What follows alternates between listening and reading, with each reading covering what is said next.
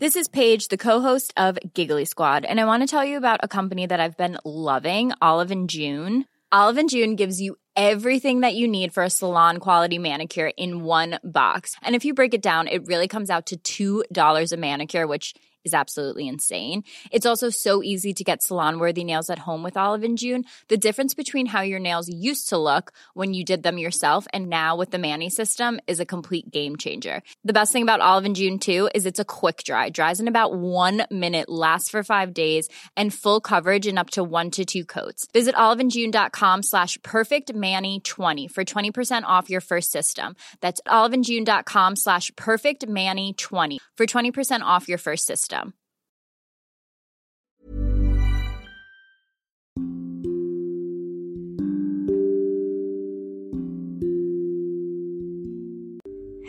terima kasih sudah mengunjungi dan hendak mendengarkan podcast Dongeng Tidur. Aku Iren Evita. Selama ini, aku pakai aplikasi Anchor untuk buat dan publish seluruh episodeku. Kalian juga bisa loh download dan pakai Anchor untuk buat podcast karena 100% gratis dan bisa didistribusikan ke Spotify dan platform podcast lainnya. Selamat mendengarkan Gadis Angsa Part 2. Semoga lekas tidur dan bermimpi indah.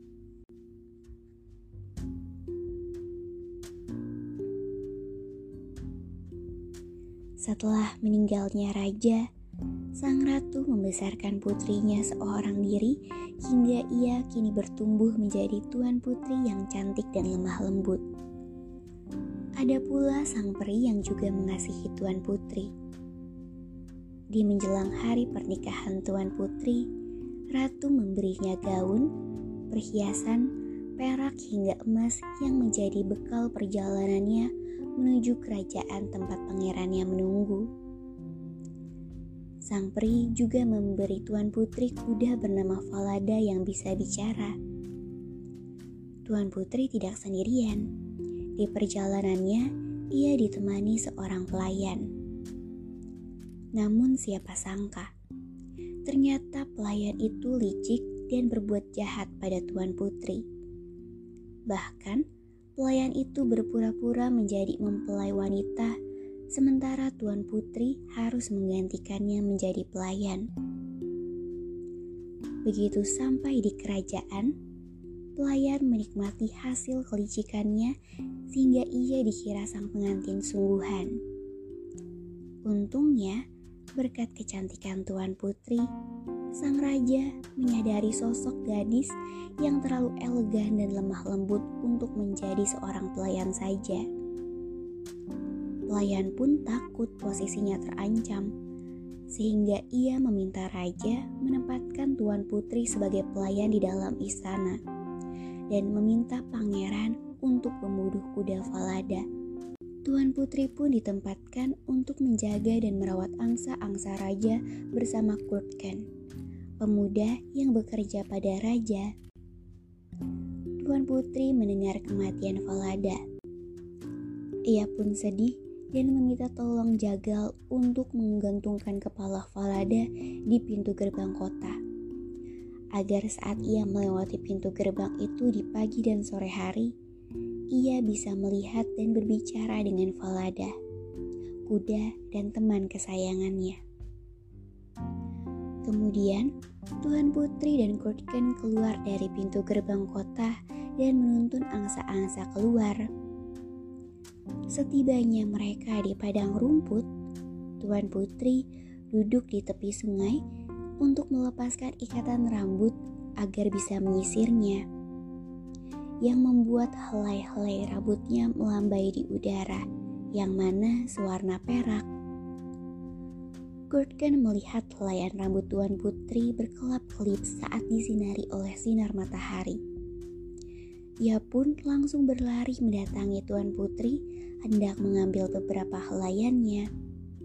Tuan Putri yang tahu maksud Gordon berkata, Angin, bertiuplah angin, terbangkanlah topi Gordon. Angin, bertiuplah angin, buatlah ia mengejarnya melewati bukit, lembah, dan bebatuan hingga terus menjauh, hingga aku selesai mengepang dan rambut perakku tergulung kembali. Seketika muncullah angin, sangat kuat hingga menerbangkan topi Kurtken melewati bukit, sehingga Kurtken terpaksa mengejarnya. Begitu ia kembali dengan topinya, rambut Tuan Putri sudah terkepang dan tergulung rapi. Ia bahkan tidak bisa mendapat satu helai pun. Ia sangat marah dan bersungut, tidak mau bicara sepatah kata pun pada Tuan Putri. Namun, mereka tetap menjaga angsa-angsa hingga petang, lalu menggiring kembali ke dalam istana.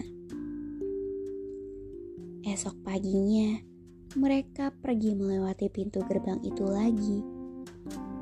Tuan Putri berlinang air mata saat melihat kepala Falada. Ia berkata, Falada, Falada, di sanalah kamu digantung. Kepala Falada membalas, Mempelai wanita sang pengantin, kamu telah dijahati. Astaga, astaga, jika ibu engkau mengetahuinya, sungguh, sungguh, pasti dia akan menyesalinya. Kemudian, Tuan Putri menuntun angsa-angsa keluar, dan setibanya mereka di padang rumput, ia duduk lagi di tepi sungai untuk melepaskan ikatan rambutnya agar bisa menyisirnya. Kurtken melihat kesempatan itu lagi dan buru-buru berlari pada Tuan Putri, hendak mengambil beberapa helai rambut peraknya. Namun, Tuan Putri yang menyadarinya buru-buru berkata, Angin, bertiuplah angin, terbangkanlah topi Kurtken angin, bertiuplah angin, buatlah ia mengejarnya, melewati bukit, lembah, dan bebatuan hingga terus menjauh, hingga aku selesai mengepang dan rambut perakku tergulung kembali. Seketika muncullah angin sangat kuat hingga menerbangkan topi Kurtken melewati bukit, dan Kurtken harus mengejarnya. Begitu ia kembali dengan topinya, rambut Tuan Putri sudah terkepang dan tergulung rapi.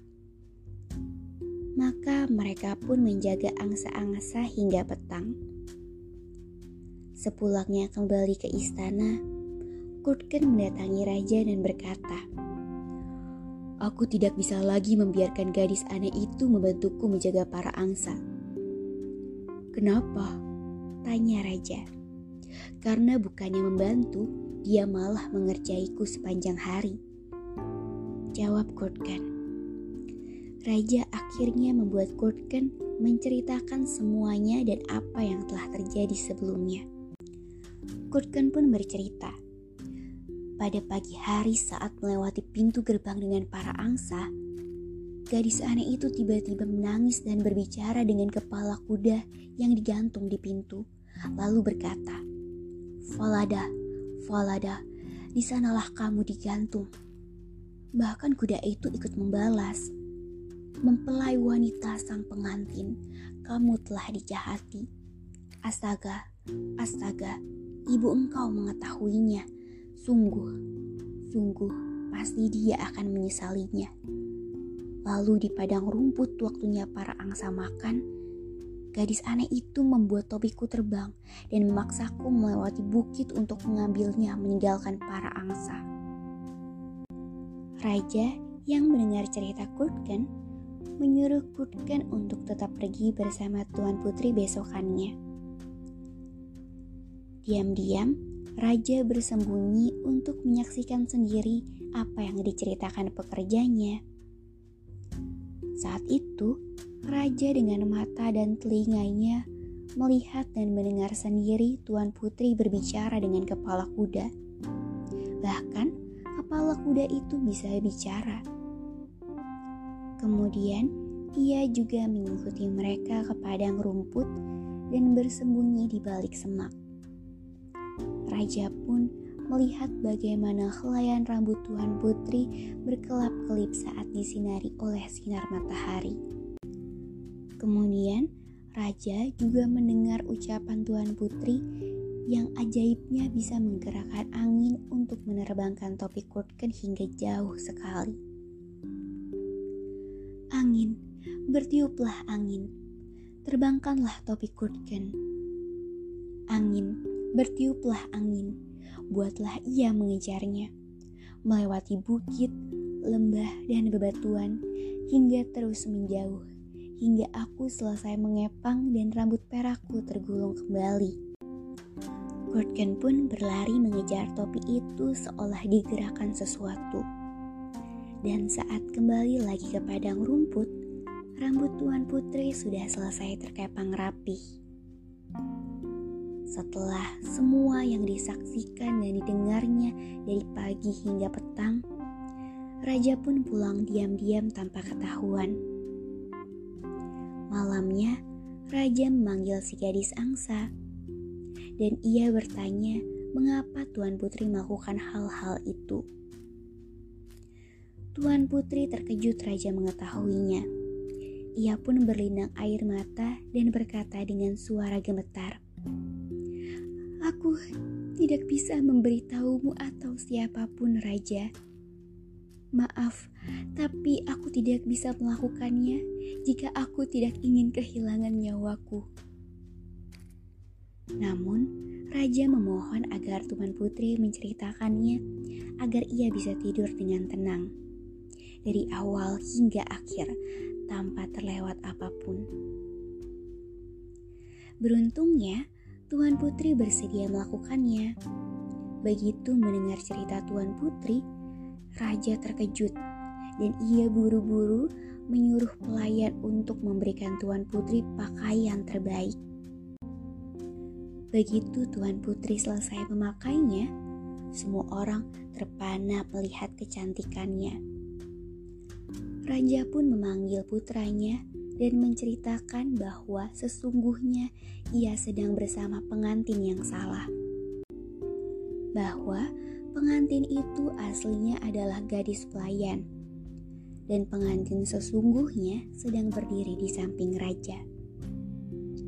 Begitu pangeran menoleh, ia terkejut sekaligus terpana dengan kecantikan Tuan Putri.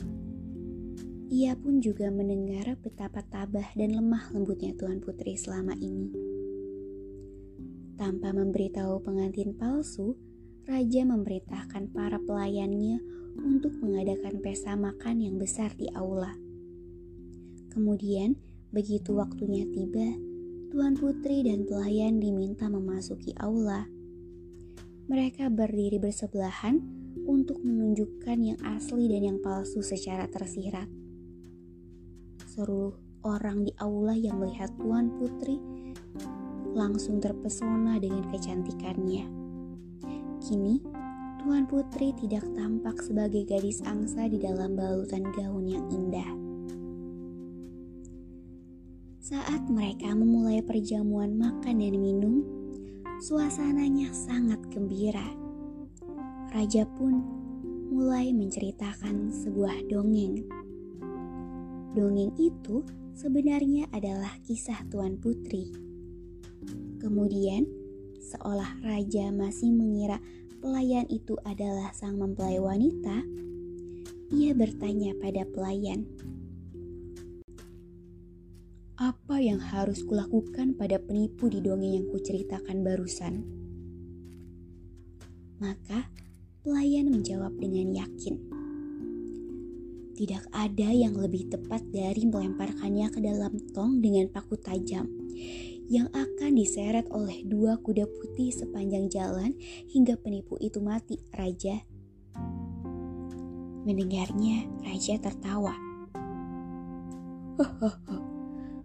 oh, dengarlah, engkaulah dia mempelai palsu karena kamu menyadari kesalahanmu dan telah menghakimi dirimu sendiri lakukanlah padanya persis seperti yang ia katakan tadi. Maka pelayan itu pun dihukum sesuai dengan jawaban atas pertanyaan raja di esok paginya. Sementara itu, pangeran yang kini telah naik tahta menjadi raja muda. Melangsungkan pernikahan dengan istri sesungguhnya yaitu Tuan Putri. Tuan Putri pun menjadi ratu dan mereka berdua memimpin kerajaan dalam damai dan bahagia di sepanjang hidupnya. Suatu ketika, sang peri mendatangi Tuan Putri dan menghidupkan kembali Falada seperti sedia kala.